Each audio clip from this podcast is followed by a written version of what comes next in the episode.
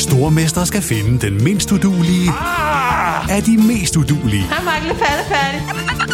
Sammen to papkasser. Åh, oh, nej, Mark. Må jeg ikke ringe til min mor? Stormester. En chance til. Det er ikke på nogen måde behageligt. Stream nu på TV2 Play. Hi, this is Craig Robinson from Ways to Win, and support for this podcast comes from Invesco QQQ, the official ETF of the NCAA. Invesco QQQ is proud to sponsor this episode, and even prouder to provide access to innovation for the last 25 years. Basketball has had innovations over the years too. We're seeing the game played in new ways every day. Learn more at Invesco.com slash QQQ. Let's rethink possibility. Invesco Distributors, Inc. Life is full of what ifs. Some awesome, like what if AI could fold your laundry? And some, well, less awesome, like what if you have unexpected medical costs? United Healthcare can help get you covered with Health Protector Guard fixed indemnity insurance plans. They supplement your primary plan to help you manage out of pocket costs. No deductibles, no enrollment periods, and especially no more what ifs. Visit uh1.com to find the Health Protector Guard plan for you. Hey, it's Ryan Reynolds, and I'm here with Keith, co star of my upcoming film, If, only in theaters, May 17th. Do you want to tell people the big news? All right, I'll do. Sign up now and you'll get unlimited for $15 a month in six months of Paramount Plus Essential Plan on us. Mintmobile.com slash switch. Upfront payment of $45 equivalent to $15 per month. Unlimited over 40 gigabytes per month. Face lower speeds. Videos at 480p. Active Mint customers by 531.24 get six months of Paramount Plus Essential Plan. Auto renews after six months. Offer ends May 31st, 2024. Separate Paramount Plus registration required. Terms and conditions apply if rated PG.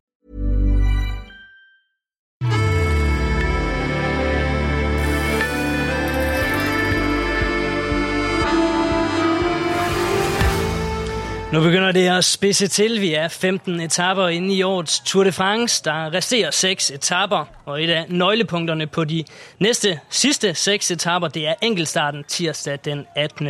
juli. Og derfor skal det i dag handle om aerodynamik og enkeltstart, og det vil Nicky Sørensen og Frederik Muff gøre jer meget klogere på. Velkommen til Lyden af Sommer. Og velkommen til jer to, Nicky Sørensen og Frederik Muff. Øh, Nicky, øh, hvordan går det? Har du det godt? Har det fint. Dejligt. Og øh, Frederik, du øh, er jo måske ved at overhælde. Vi snakkede lidt om øh, sidst, at øh, Nicky han er rigtig meget på TV2 News. Rigtig meget i Godmorgen Danmark. Men øh, vi har også været ude og lave lidt øh, optagelser i dag, hvor vi ja, også snakkede enkeltstart og aerodynamik. Kan du mærke, du er ved at overhale ham? Jeg tror ikke, jeg er i nærheden, og som jeg sagde til, til Nicky her, inden vi gik på, så øh, næste skridt, det må være vild med dans. Jeg kan godt forestille mig, at Nicky sådan en foxtrot rundt på gulvet og give den gas, så jeg tror, han, øh, han kommer til at holde føringen stadigvæk. Jeg vil, så vil jeg gerne lige slå fast, selvom det, jeg skulle nogensinde blive inter, eller jeg skulle blive interessant i det der vild med dans, så kommer det aldrig til at ske. Hvorfor den, ikke det? Den rører jeg ikke med på. Det er simpelthen, øh, det har jeg bare ikke lyst til. bare vent, bare vent. Og må vi i hvert fald ude i dag, og det var en øh, fornøjelse. Du øh, tog os igennem et indslag, som man kan se øh, op til enkeltstarten øh, i vores øh, turdækning. Øh, du var på i omkring 3-4 timer, hvor du skulle igennem alt muligt. Øh, var det også hårdt? Ja, man får lidt sæde på panden. Vi skulle jo teste øh, forskellige dragter mod hinanden, ligesom for at se, hvilken forskel der er. Fordi øh, Nox, så kan en dragt se ens ud på afstand, men, øh, men bare forskellen i hvilke meter var man bruger, kan betyde rigtig meget. Også noget af det, vi kommer lidt, lidt ind på i dag, men øh, der ligger lidt spændende data på, øh, på, hvor meget man faktisk kan vinde på det. Jamen, det kommer vi nemlig øh, ned i. Men før vi dykker ned i vores store snak om aerodynamik, så skal vi selvfølgelig lige samle op på de seneste dages bjergslag.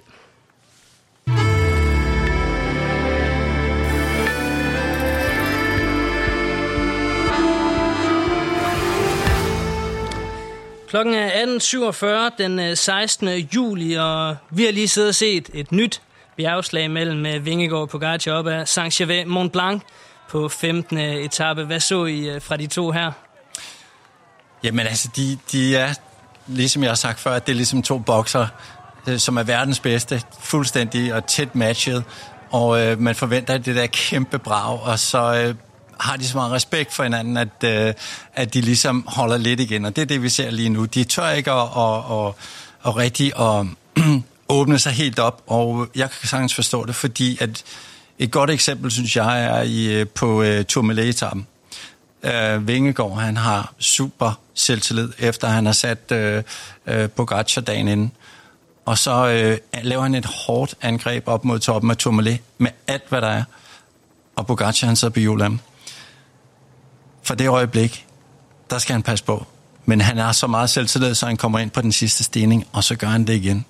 Mm. Og det, jeg tænker, jeg, lige nu laver du en fejl, fordi Pogacar ved præcis, hvor stærk du er, og så laver han en kontraprom, og så, øh, så taber han masser af vigtig tid. Så jeg kan godt forstå, at de ikke åbner sig op, øh, fordi at det, er, det er farligt, når de er så tæt. Men det er næsten også som om, at de sådan de kører bare se hinanden anden. Altså, som vi også snakkede om, da, da de sådan skal spurgte om, om placeringerne. Altså, Vingegaard, han kører næsten lige op og kigger på mig og er sådan lidt, nå, var det bare det, eller hvad?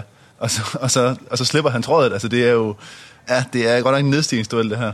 Altså, de træner meget mere sprint, end, end, end sprinter, det går i øjeblikket. Det kan da godt være, at de kommer til at lave en duel lidt i Paris. Ja, men det er jo, ja. det er jo ikke engang løgn. Altså, ja. det er jo, vi, vi sad og så snakkede om det, også to, inden vi gik på, at, at, at øh, hvis nu, at vi kommer ind i et scenarie i den kommende uge, øh, hvor der er så lille afstand mellem dem, når de når til Paris, at der er så nogen, der kan finde på at åbne cykelløbet. Der er nok dårlig stemning, hvis man gør det, mens de andre sidder og drikker kampagne. Men, øh, men det er jo faktisk et spørgsmål, som vi ikke har haft i mange år. Nu er vi ikke i gang med den der konkurrence med, hvad der er våget og hvad der ikke er våget. Men jeg vil mene, at Pogacar han er så hurtig, at han vil kunne køre top 3 i Paris. Men kan jeg tror, han virkelig han er så hurtig. Så, og det vil være sekunder. Ja. Øh, det er jo et godt spørgsmål, fordi det er jo aldrig rigtig sket før på den måde, udover, kan man sige, 1989, hvor, hvor turen slutter med en, altså med en enkelt start. Det er jo klart, at der er ikke nogen paradekørsel der, men det er jo en uskreven regel, at man ligesom, kan man sige, vinder turen på næst sidste dagen, og det ikke er på sidste dagen. Ja, de jeg tænker, hvis, til at køre hvis, ja, hvis jeg lå nummer to i Tour de France med 3, 4 eller 5 sekunder, så er jeg altså hakket afsted ud af, ud af boksen. Og gerne, gerne mens de andre kørte og drak champagne og hyggede sig, så de fik et rigtig stort chok. Og du er ellers et meget godt menneske, så det kan det være, vi kommer til at se det, det, det, var, det skete et år øh, med Filippo Simeone som, øh, som angreb. Fordi, også fordi, for eksempel syd for Paris, det er skide bakket. Og, og alle regner med, at man skal køre stille og roligt. Hvis der er en, der angriber der, de bliver så tosset. Du vil få selvom du er en stor, stærk mand, du vil få, du vil få halvvejs tæsk, når du bliver hentet af feltet igen. Ja. Det vi så i dag fra, fra Vingegaard, jeg synes jo, det er vanvittigt imponerende, hvordan da Pogacar, han angriber, hvordan Vingegaard bare siddende holder hans hjul. Han har virkelig kørt flot defensivt. Bliver det også for defensivt til, hvad I synes er sjovt at se på, eller hvordan ser I det? Altså, det havde været fedt, hvis Vingegaard angreb, men jeg vil sige, ud fra et taktisk perspektiv, så gør han det rigtigt. Øhm, og det er, også, det er jo nemt at sidde bag tv-skærmen, kan man sige, og kigge på Vingegaard og sige, kør nu Jonas. men, men også med, altså med enkestarten, som kommer i morgen, der tror jeg, at det er, jeg tror, det er, det er klogt af ham at køre defensivt og køre afventende, i hvert fald indtil den er overstået. Enig, Nicky. Ja, ja, der har ikke været momenterne til det. Han skal passe på med at åbne sig for meget. Og, og så ligesom både i dag og i går, når vi kom ind på den sidste stigning, og man tænkte, så nu får han sine tropper til at sætte det sidste angreb ind. Så kommer øh, UAE og skal køre forbi, og, og så er det dem, der skal føre. Ikke? Altså, de får ødelagt rytmen fra, fra, fra Jumbo Visma, hvilket er smart. Ikke? Så det er jo også spændende at se den der kamp imellem øh, de to hold. Der. Ja, den er blevet lidt mere grov i det. Ikke? Hvem har gjort det bedst taktisk af Jumbo Visma og UAE? I dag var det UAE. Øhm, det var det. Og øh, ja, jeg vil egentlig også sige, måske også i, i, i går, Altså, det, var, det er jo nogle smart move, det gør det der med at gå ind og bryde rytmen, og ja, nu læser jeg måske lidt for meget i det, men, men øh, Pogacar uden briller på i går, øh, lige så snart, at det er, når det er Jumbo Visma, der, der sidder og fører, så kan man se en lidt bekymring i ansigtet på ham.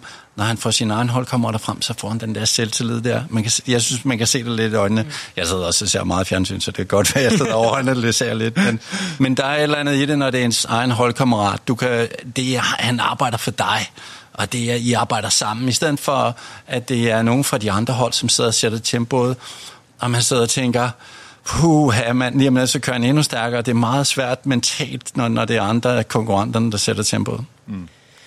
Hvordan vil du egentlig øh, reagere, hvis du skal til at angribe for den gule trøje, og der så pludselig øh, holder to motorcykler i vejen?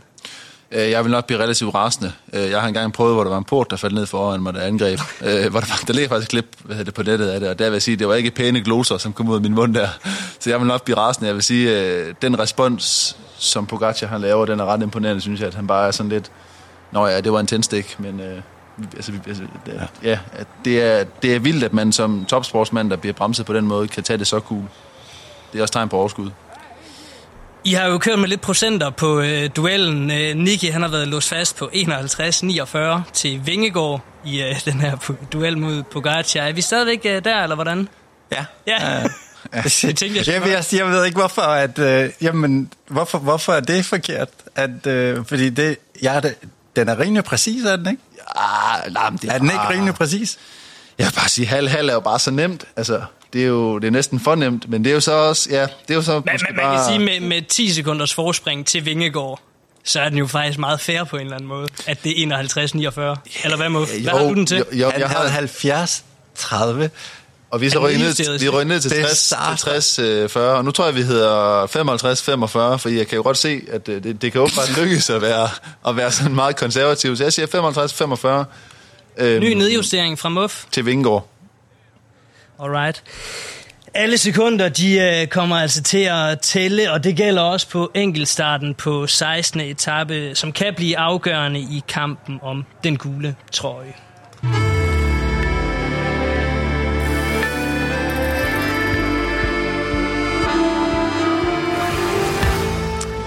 Og det må for Nicky sende os videre til det store emne i dag. Aerodynamik, vi skal snakke position, vi skal snakke tøj, du har noget liggende her, mod for vi skal snakke hjelm. Men først skal vi lige have præmissen på plads. Hvorfor er det aerodynamik er så vigtigt i moderne cykelsport, Muff? Jamen det er sådan set fordi, når man sidder på cyklen, så øh, kan man sige, 85% af den energi, man bruger, den bruger man til at bryde vinden. Og det er jo aerodynamik, så det er fuldstændig altafgørende. Og øh, man kan sige, for år tilbage har det været kan man sige, måske et emne, som man har været lidt laissez med. Øhm, der har måske været lidt samme holdning, som der var i, i motorsport i gamle dage, hvor der er et berømt citat, der hedder, at aerodynamik er for dem, der ikke kan bygge en ordentlig motor. Øh, og der har man måske lidt tænkt, at man godt kunne kompensere med, med masser af kræfter, men det er ligesom gået op for alle holdene og alle rytterne, at det er sindssygt vigtigt at fokusere på det. Nick, er der øh, for, hvad kan man sige, som cykelelsker øh, og observatør, er der for meget fokus på det? Synes du, det, det tager for meget? Altså, skal de ikke bare øh, sætte motoren i gang, og så smadre der ud af? Eller synes du, det også er interessant, at der er det her fokus? Jeg synes, det er smadret interessant også. Øh, øh, både både øh, på enkeltstart selvfølgelig, men mindst lige så interessant også, når, når man snakker om linjeløb. Fordi der spiller det også en kæmpe øh, øh faktor.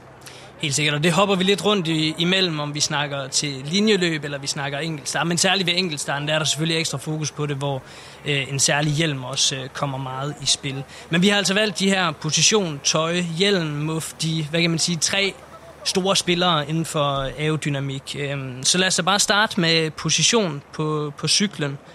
Hvor meget betyder det, og hvad er den helt rigtige position? Jamen, det er svært at sige, hvad den rigtige position er, men positionen er altafgørende.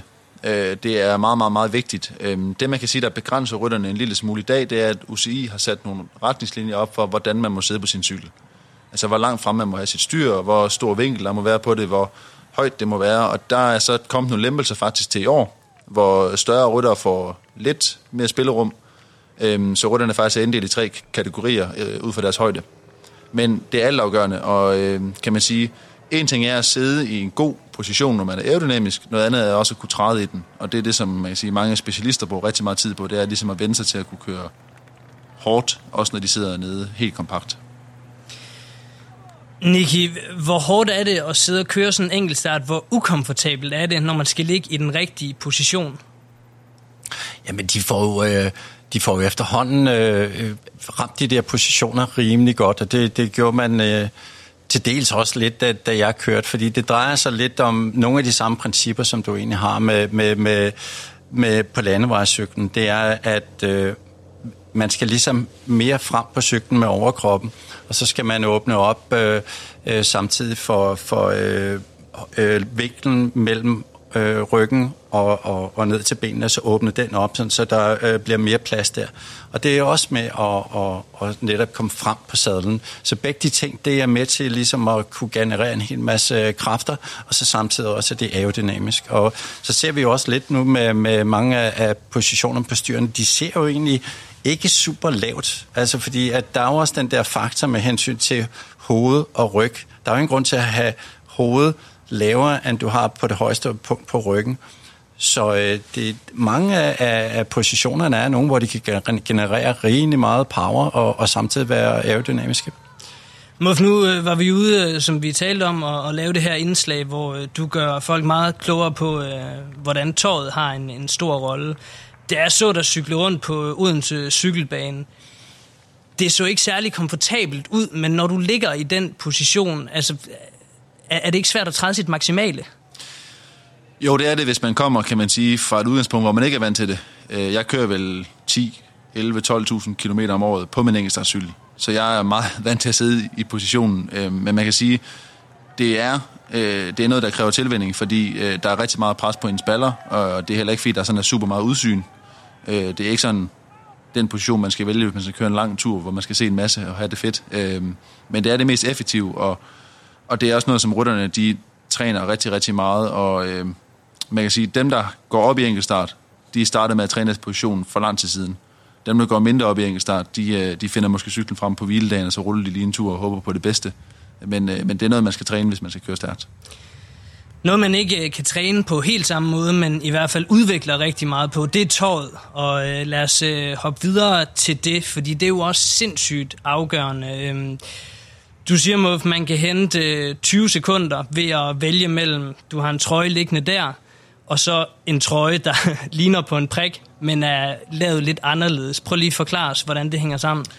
Jamen kort sagt, så handler det meget om materialevalget. Hvis man tager øh, en dragt som det her, så handler det om, hvilke kan man sige, materialer, der er brugt på dragten. Øh, det handler noget om, hvor tykke de er. Men noget af det allervæsentligste i dag, det er faktisk, hvordan de spiller sammen med en undertrøje, som øh, dem vi har her. Ja, det er jo sådan en crop top øh, for dem, der ikke ser med, men, men blot lytter. Ja, det er næsten en, ja, en sportsbehov til mænd, var jeg lige ved at sige. Øh, men men det der, det, det, det, der sådan set er årsagen til, at man kører med den, det er, at for, for år tilbage, der ændrede UCI reglerne for, hvor stor højdeforskel der må være i det yderste lag af ens tøj. Det vil mm. sige, at, at man kan ikke have super store niveauforskelle i de metervarer, man bruger yderst. Så producenterne, de sad og grublede en smule over, hvad gør vi så for at lave hurtigst muligt tøj, og så fandt man ud af, at vi laver bare en undertrøje, som faktisk, kan man sige, deformerer det yderste lag, så det yderste lag får en anden form, end hvad der er lovligt. Så vi kommer formentlig til på en at se mange, der kører i de her undertrøjer, og så er der lidt forskellige valg. Øh, nogle har kan man sige, brede ribber, og der findes en version, der har lidt smallere ribber, og det er lidt i forhold til, hvordan øh, ja, ens rytterform og, og armform faktisk er. Nika, er der ikke et eller andet, der skal justeres på de regler her, når man kan omgås dem så lidt? Jo, måske. Måske, men altså, det er jo ekstremt. Det kan jeg egentlig meget godt lide, når, det, når man begynder at lege lidt med de der ting. Det er, jeg, øh, jeg var jo sportsdirektør for to øh, tidligere rekordholdere inden for, øh, for teamrekorden, øh, Alex Dowsett og, øh, og Mathias Brandle. Og øh, Dowsett, han er jo vildt også. Han er jo fra England, og i England ligesom også lidt som i Danmark, der går de meget op i det med aerodynamik. Han havde en, øh, en, en skinsuit, altså en enkeltstartsdragt, som han havde fået bestilt i, fra England, og den kostede 3.000 pund. Og det var netop også med de der øh, striber der, som du snakker om, altså de der, øh, kan man sige, riler ned i, i materialet, men det er jo også, og den holder måske, den holder måske fire fem, gange eller ja, sådan noget. Ja. Fem, fem uger eller sådan noget, ja. altså det er jo helt vildt. Ja. Men det, det er jo nogle helt vanvittige priser. Altså, hvad, hvad er det, der gør det så dyrt? Det ved jeg ikke, om I, om I ved, om, om det er for teknisk. Ja, men altså, det er jo det der med, at øh, hvis, hvis du kan hente de der øh, sekunder, og, og rytterne snakker jo sammen, og det er jo let nok, det er alle sammen et powermeter på, på deres cykel, og øh, så går de rundt og snakker, og så øh, går de over og snakker med en, der måske er samme størrelse som en selv, og så siger de, øh, hvor mange watt kørte du på den her enkeltstart? Så siger jeg, jamen jeg kørte... Øh, jeg kørte 30 watt mindre end dig, og jeg slog dig med 40 sekunder. Ikke? Så, så begynder man at, og, og gå, gå de der retninger der med at prøve at få optimeret alt det der. Ja, så prisen bliver også justeret op af, kan man sige, de, de faktorer, at først og fremmest så kan man sige, de hurtige materialer, de koster selvfølgelig også mere for producenterne, men de koster også rigtig meget i udvikling, fordi de er nødt til at øh, tage i vindtunnel, øh, tage ud og lave banetest på cykelbanen, øh, lave banetest udendørs oveni, så der er sindssygt meget udviklingsarbejde i at finde ud af det, fordi en ting er, hvad der ser hurtigt ud, noget andet er, hvad der faktisk er hurtigt. Og det er desværre ikke så nemt inden for aerodynamik, at det, der nødvendigvis ser hurtigt ud, det er hurtigt. Der kan godt være nogle ting, som kan man sige, ser hurtigt ud, som ikke er helt så hurtigt, som man tror. Hvis man nu øh, er, hvad kan man sige, standard motionist og nyder at cykle og også gør det rimelig godt og godt kan lide at, at komme afsted derud af, Giver det mening at begynde på sådan noget her med de her undertrøjer, eller skal man bare lade det være til de professionelle? Jamen det er så faktisk øh, det, det, det næste, som er sådan lidt, øh, og nu bliver det meget nørdet, men, men øh, en undertrøje som den her er optimeret sammen med en dragt som den her til at køre lige over 50 i timen. Det betyder, at øh, den er ikke nødvendigvis fantastisk god ved 25 km i timen. Så der kan det faktisk være, at man skal have nogle andre materialer. Øh, vi har et par sokker her, som er i et øh, materiale, som er lidt mere optimeret til, øh, til landevejsløb, som er en lille smule bedre ved for eksempel 42-45 i timen, end øh, ja, det her lidt hurtigere enkeltstartsmateriale. Så det er lidt en jungle, øh, men jeg vil sige, man behøver måske ikke at starte med at hoppe i, øh, hoppe i crop-toppen, men øh, hvis man begynder at køre stærkt og vil have noget mere fart, så kan man gøre det. Altså er det jo også, at, at hvor mange enkeltstarter bliver, kører man på, på et år, både i, i Danmark og egentlig også i, i det store cykelfelt. Det er jo ikke så mange, der er. Øh, og den største upgrade, man kan gøre, øh, gøre ligesom med den største ting, du kan gøre for, hvis du også kører landevejsløb, for at optimere med, i forhold til pris, det er faktisk at, at købe et par af de der Aero-sokker. Øh, de koster ikke så meget, og det er rimelig meget, man får for pengene i hensyn til øh, performance. Det må være træls, at jeg tænker på, hvis øh, man har trukket i noget af det helt hurtige, hvor du skal op og ligge og køre 45, og du så bare har virkelig dårlige ben, når du kommer derud. Så er man jo færdig, så giver det ikke noget som helst. Ja, det, det er jo ikke fordi, at altså, det er jo sådan, hvis man ser en kurve over det, så det er ikke sådan, den, den falder bum ved 45 og, og stiger bum ved noget andet. Det er jo sådan lidt en løbende hvad det, ting, men der er helt sikkert noget i det, men som Niki også sagde før, landevejsløb. Øh, vi så på de flade tapper, øh, da Pogacar han fik en føretrøje, så hoppede han faktisk i sådan en baselag her under med det samme, øh, for, fordi at UAE givetvis har testet, at det var en fordel på Santini føretrøjerne. Ja. Øh, så det er jo også noget, som mere og mere går over i, kan man sige, landevejsløbene. Vi så også øh, Philipsen, øh, som jo har været, kan man sige, dominerende. Inden han fik den grønne trøje, der kørte han faktisk i en anden heldragt end Matthew van der Poel, mm. fordi Philipsens topfart er højere end Van der Poels topfart.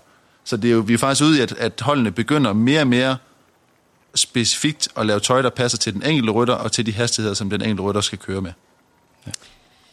Jeg synes, vi lige skal gemme hjelm til hjelmsnakken til øh, den anden side af det, vi skal til nu, fordi øh, vi har en øh, dejlig mand med fra øh, Frankrig med bjerge i baggrunden og det hele.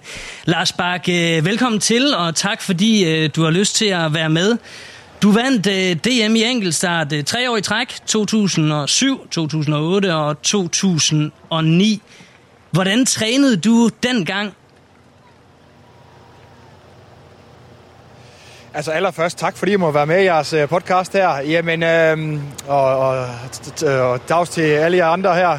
Nej, øh, jamen jeg trænede jo øh, lige så meget, som jeg tror, de træner i dag. Øh, man havde en, øh, en enkeltstartcykel derhjemme, øh, og, øh, og kørte på den. Øh, men man kan, altså, da Niki og, og jeg kørte på, på CRC dengang, øh, hvor jeg blev dansmester der, jamen der, øh, der kørte vi jo lidt flere cykelløb end, end øh, hvad kan man sige, øh, de rytter, der er i dag. Så, så der var måske lidt mindre tid til at specialtræne, men... Øhm, mange gange inden DM for eksempel, jamen, så kørte man jo Dauphiné eller Schweiz rundt, øh, som var knaldgod enkeltstartstræning, fordi man kørte rigtig mange bjerge, og det er jo mange gange, når du kører bjerge, jamen, så kører du jo de her intervaller på 10, 20, også helt op til 30-40 minutter. Så det var, det var faktisk noget af den bedste forberedelse til, øh, til DM i enkeltstart. Og så øh, hvis jeg for eksempel øh, to årene, hvor, hvor, hvor jeg kørte Dauphiné, så havde jeg øh, jo tre uger til, øh, eller to og en halv uge til, til DM i enkeltstart, så kørte jeg øh, ja, scooter pace, øh, faktisk sammen med min bror op mod DM. Så tog jeg hjem til Danmark, og så kørte vi øh, altid den samme tur på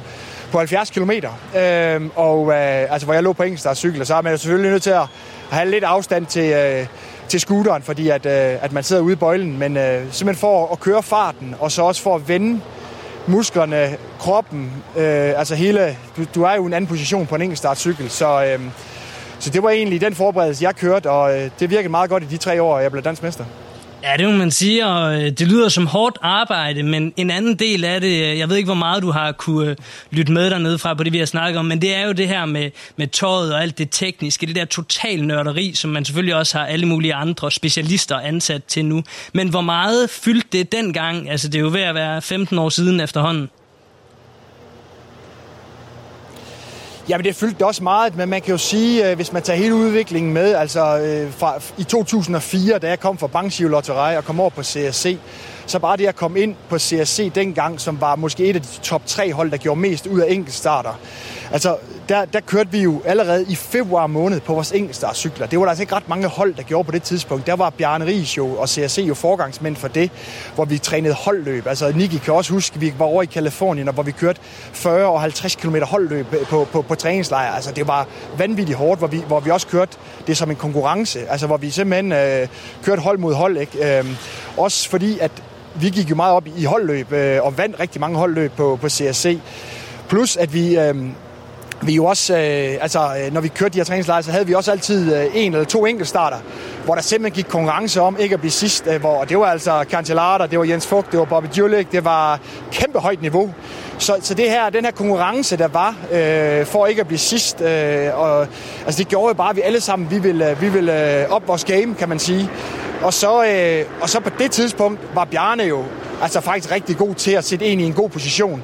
Så det jeg vil sige med det, det er, at det der med, for mig dengang at komme ind på, på et, et top 3 hold, hvor udstyret var så markant bedre, end det jeg kom fra. Det gjorde jo bare, at lige pludselig, så kunne jeg, så kunne jeg køre rigtig gode enkeltstarter. Og så får man jo moral, fordi som rytter, hvis man kører på, på, på dårligere udstyr end ens konkurrenter, så går det i hovedet på en jo. Og det er også derfor, at nogle gange så tænker folk, jamen de der strømper, 2 watt, hvorfor kan de give så meget? Eller, eller øh, en ny klinge, eller altså, Muff, han kan jo fortælle meget mere om det. Altså, der, der bliver jo hele tiden nye tiltag. Men det er simpelthen fordi, hvis man ikke selv har det, så føler man sig slået. Og det er jo derfor, at, at, at de rytter, der er der i dag, kontra dengang mig og Niki var, var på, øh, altså for 15 år siden, der var jo ikke sådan en, en materiale mand, og de her øh, teknologiske folk, de er jo kommet siden jo. Dengang, der var det jo sådan set Bjarne, som også var holdejer og sportsdirektør, sammen med de andre sportsdirektører, der ligesom øh, sat positionen op sammen med nogle mekanikere i dag der har du jo, øh, eller dengang også, der var der måske en, der var i en vindtunnel. Det var måske Zabriskie eller Cancellara, og så fandt de nogle ting fra dem, som de overførte til os andre. Men det er jo ikke sådan, at Niki eller mig... Øh, øh, Øh, eller Chris Anker var i en vindtunnel. Det var, det var kun de ypperste, ypperste rytter på holdet, man havde råd til, og, og det var ikke ret mange hold, der gjorde det. I dag er det jo et must på alle hold. Øh, altså, alle World Tour hold gør det, og øh, selv Kolokvik, som Muff kører på, det ved jeg fra Moberg, gør det jo også, så det er jo, det er jo derfor, at, at, at selv på kontinentalscenen, hvis så Muff blive femmer til DM, altså det gør du jo ikke, hvis du ikke går virkelig op i alle detaljerne det var en lang snak. Jamen, det er, vi sidder bare all ears, Lars. Det er en fornøjelse at lytte på. Men jeg kunne godt lige tænke mig at tage, tage Nicky med. Hvordan husker du uh, Lars Bak på en enkeltstartcykel? Ja, men Lars, han var jo rigtig, øh, han var rigtig dygtig til det. Han var også smidig. Og så øh, øh, var han også samtidig sådan øh, forholdsvis smal i, øh, i, i kroppen, i det hele taget også i overkroppen, så, øh, og det er jo også med til at bryde vinden godt. Øh, Lars er... Han er stadig smidig. ja, lige præcis, ja. Så, han er stadig øh, smal og aerodynamisk. øh, smalle Lars Bak, har du lige så pæne rosende ord øh, tilbage til Nicky Sørensen? Ja, men Nicky var også øh, god på, øh, på en enkelt cykel, men øh, jeg tror måske bare ikke, Nicky han gik så meget op i det. Altså, jeg kan huske, øh, han, han kom jo altid til DM og vandt linjeløbet, og så enkeltstart, det, det kørte han lige en gang imellem, og, og så, så blev han i nummer 4, og sådan Jeg tror egentlig, og jeg ved ikke om også, om han var blevet nummer tre engang, men altså, jeg tror bare, Nicky, han, han, han gik faktisk ikke så meget op i det, men når vi kørte øh, sådan noget som Dauphiné og, og de store etabløb, og, og han øh, var godt kørende, jamen, så, så kunne han køre nogle, nogle rigtig gode enkeltstarter, fordi han havde den der kæmpe diesel, og det var, det var lidt det samme for mig. Altså, jo længere enkeltstarterne var faktisk, jo, jo bedre var jeg. Øh, også fordi, at jeg var faktisk ikke så god teknisk, og det er jo faktisk en anden ting, der er rigtig, rigtig vigtig. Øh, det er jo, at for at få den bedste teknik på en enkeltstartcykel, så er du nødt til at træne på enkeltstartcyklen, men ikke kun, at du træner på enkeltstartcyklen, men du træner, hvor du har højprofilhjul på, og du faktisk også har pladehjul, fordi en enkeltstartcykel, den opfører sig helt anderledes, når du har højprofilhjul på og, og, og pladehjul. Det kan Muffer fortælle mere om, fordi en helt anden stivhed, der er øh, i cyklen. Så, så alle de der ting der, som, som øh, og det skal siges, at dengang for 15 år siden, der var det lidt ens for alle, men i dag er det jo også sådan, at der forlanger rytterne jo også at have nærmest et pladehjul derhjemme og, og højprofilfelt, altså på de helt store World Tour hold. Så, så holdene, der skal ikke være nogen undskyldninger. De skal have det rigtige udstyr, og, og der skal gås op i alle de der ting der, fordi øh, ellers så kan en ung rytter i 2023 ikke performe. Altså det er, øh, det er curling-generationen. De skal forkæles, og, og, og, de, og de leverer jo så også varen, ikke? Lars Bakke, tusind tak, fordi du var med. Jeg kunne øh, blive ved med, og det er jeg sikker på, at de to andre også kunne øh, lytte på dig meget længere, men vi er desværre nødt til at lade dig gå. Du skal også ud og have noget, noget aftensmad, og så er der jo øh, aftentur, som du skal optage i aften. Tusind tak, fordi du var med. Tak for det, Lars. Tak for det, Lars.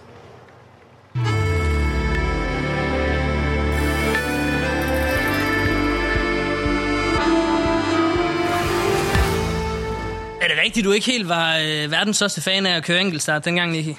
Jamen, jeg, jeg, jeg, med hensyn til DM, det er grund til, at jeg ikke stillede op. Jeg var med en eller to gange, og grund til, at jeg ikke stillede op med, det var, fordi jeg vidste, at jeg ikke kunne vinde. Og så gad jeg ikke at være med til det, fordi det var også en... øh, en Det kender jeg altså, godt. Ja, jeg var egentlig ligeglad med at blive nummer, nummer tre eller nummer fire, eller hvad det var nu var. Øh, og Også fordi, at, at øh, den lægger sig tæt på linjeløbet, så det, det er et kompromis for, for linjeløbet, og linjeløbet vidste jeg, at jeg kunne vinde. Så, så jeg, jeg havde ikke lyst til det der DM i enkeltstart. Det er jo en god disposition, det forstår man jo egentlig godt.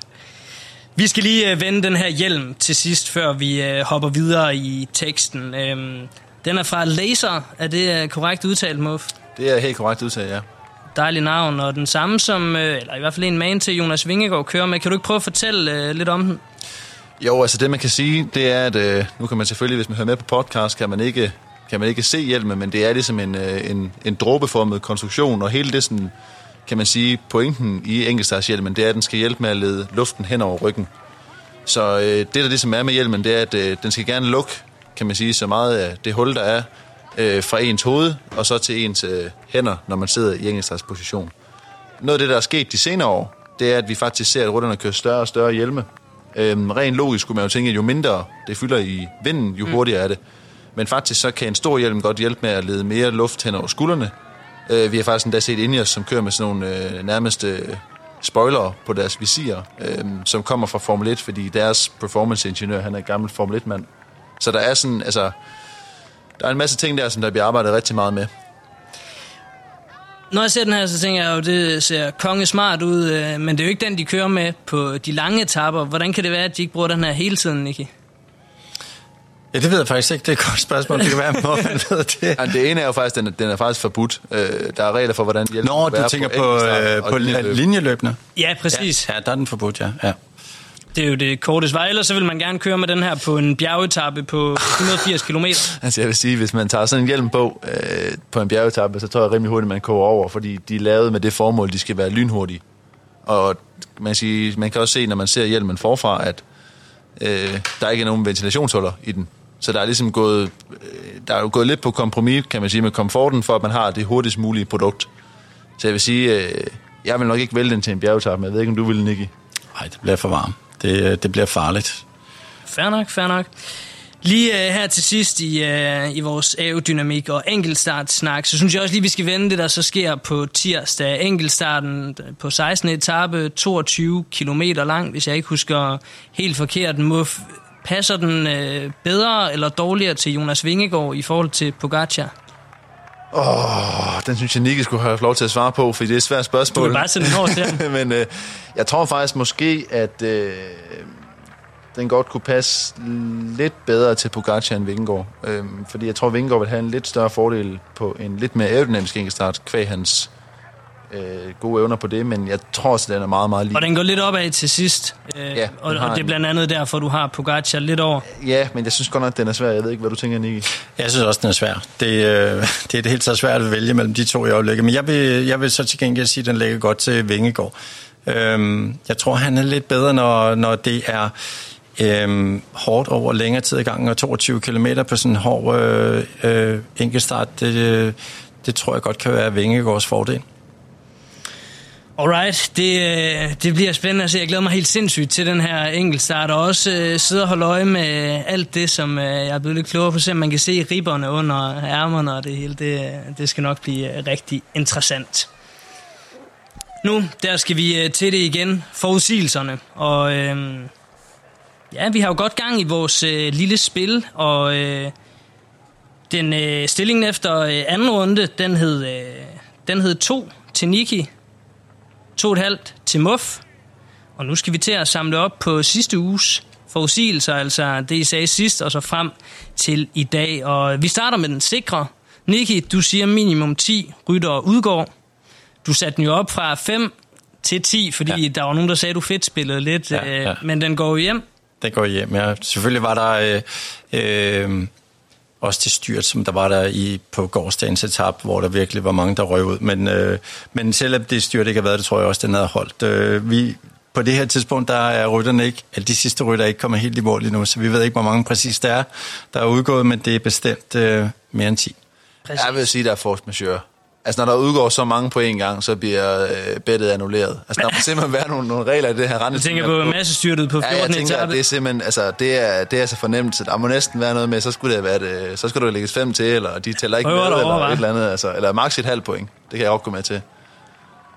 Du får et point, Nicky. Ja, selvfølgelig da. Tak. Det bringer dig op på tre point. Øhm, Muff, du øh, siger endnu en dansk etappesejr, desværre. Øhm, det har der jo ikke rigtig været den seneste uge, så... Øh, Ej, jeg godt have tænkt mig, at der var lidt mere opbakning fra de danske ryttere, når jeg nu sidder og, og spiller højt spil i studiet her, hvad det vil sige. Men ej, det, det vil vi nok gerne have haft, men øh, ja, der, der, er det, der er jo desværre ikke kommet noget. Nej, der, udbrudsetapperne er, er ligesom bjergetapperne, og øh, Skelmose har, har døjet lidt med, med, øh, med varmen. Og øh, de to andre, som jeg vil kalde også, øh, som lægger godt til bjergetapperne, det er Gregor og Anton Charmik. Øh, det er deres første tur. Ja. Og de har kørt godt, men, øh, men øh, de mærker virkelig nu, øh, hvor, hvor hårdt det er, det kan jeg forestille mig, så øh, de har ikke helt været der. ej, nu smed du selv øh, Skelmos ind, fordi på den våge, der havde du jo, at han ville vinde en øh, etape, og den er desværre ikke øh, kommet endnu. Muff, du havde øh, fransk storoffensiv fra Gody. Pinot går med i morgenudbruddet, han bliver forpost, og så angriber Gody tidligt. Men Det der ser vi jo faktisk, at nu han kommet med i morgenudbruddet i dag. Og der vil jeg sige, det, jeg tolker det som stor offensiv. Nej, overhovedet ikke. Altså, tak. Okay, jeg kan høre den måde, du griner på. Du, du, du giver op. Så, jeg var nødt til at forsøge, altså. Ja, ja. Muff, du bliver på 2,5 point. Nicky, du ryger op på 3, og øh, det er vel egentlig første gang, du øh, fører konkurrencen, er det ikke? Ja, det vil jeg tro, ja. ja så, øh, Jeg har smidt en- trøjen. Tak. Smidt trøjen og giver den- tidligt. Det er første. Giver du op? Nej, nej, jeg har smidt den bevidst. Altså, du får lov til at... Nå, okay, men det, jeg spørger bare, og giver du op? Nej, nej, nej. Nå, nej, nej. okay. Bare roligt. Der er stadig to forudsigelser. Så der er... Jamen, så lad os da komme til det.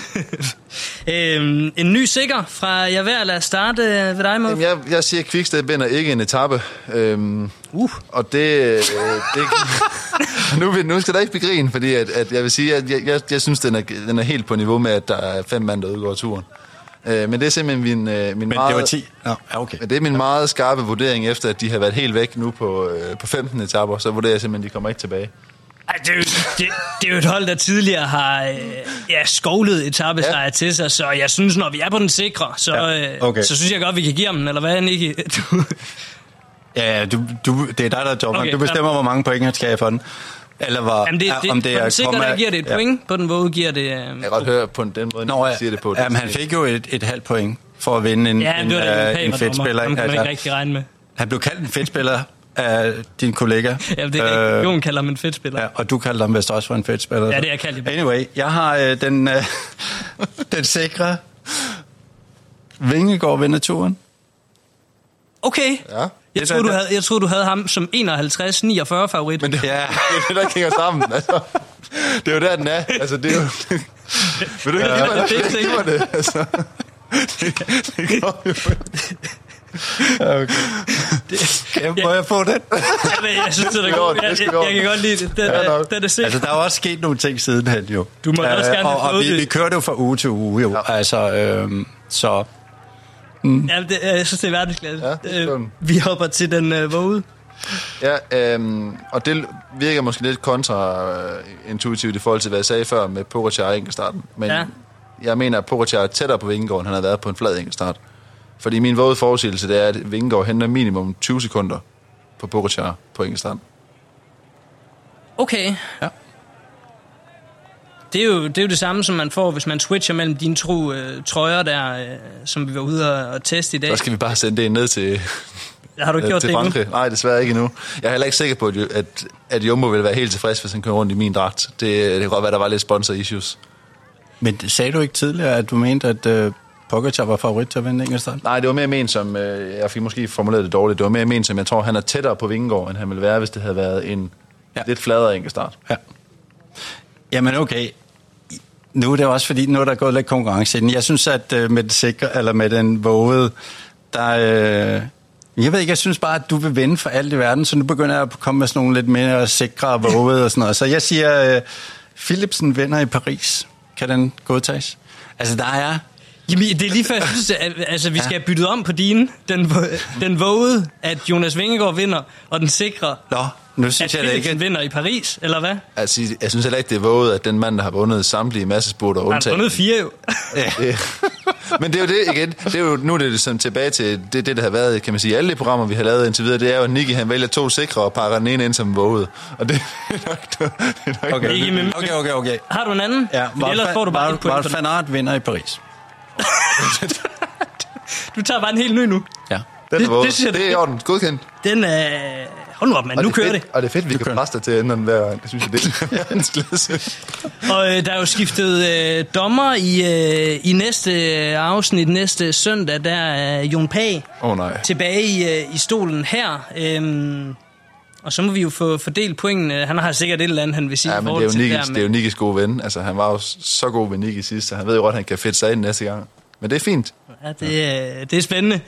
Det er i hvert fald øh, næste søndag, hvor vi optager lyden af sommer igen.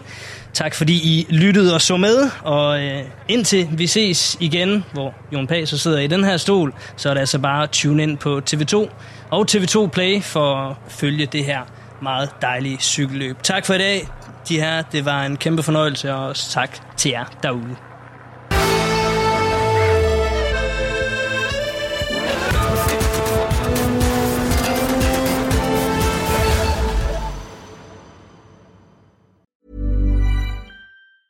Hey, it's Danny Pellegrino from Everything Iconic. Ready to upgrade your style game without blowing your budget? Check out Quince. They've got all the good stuff shirts and polos, activewear, and fine leather goods, all at 50 to 80% less than other high end brands. And the best part? They're all about safe, ethical, and responsible manufacturing. Get that luxury vibe without the luxury price tag. Hit up quince.com slash upgrade for free shipping and 365 day returns on your next order. That's quince.com slash upgrade. Mom deserves the best, and there's no better place to shop for Mother's Day than Whole Foods Market. They're your destination for unbeatable savings, from premium gifts to show-stopping flowers and irresistible desserts. Start by saving 33% with Prime on all body care and candles. Then get a 15-stem bunch of tulips for just $9.99 each with Prime. Round out Mom's menu with festive rosé, irresistible berry chantilly cake, and more special treats. Come celebrate Mother's Day at Whole Foods Market. Even when we're on a budget, we still deserve nice things. Quince is a place to scoop up stunning high-end goods for 50 to 80% less than similar brands. They have buttery soft cashmere sweaters starting at $50, luxurious Italian leather bags, and so much more. Plus, Quince only works with factories that use safe, ethical, and responsible manufacturing. Get the high-end goods you'll love without the high price tag with Quince. Go to quince.com slash style for free shipping and 365-day returns.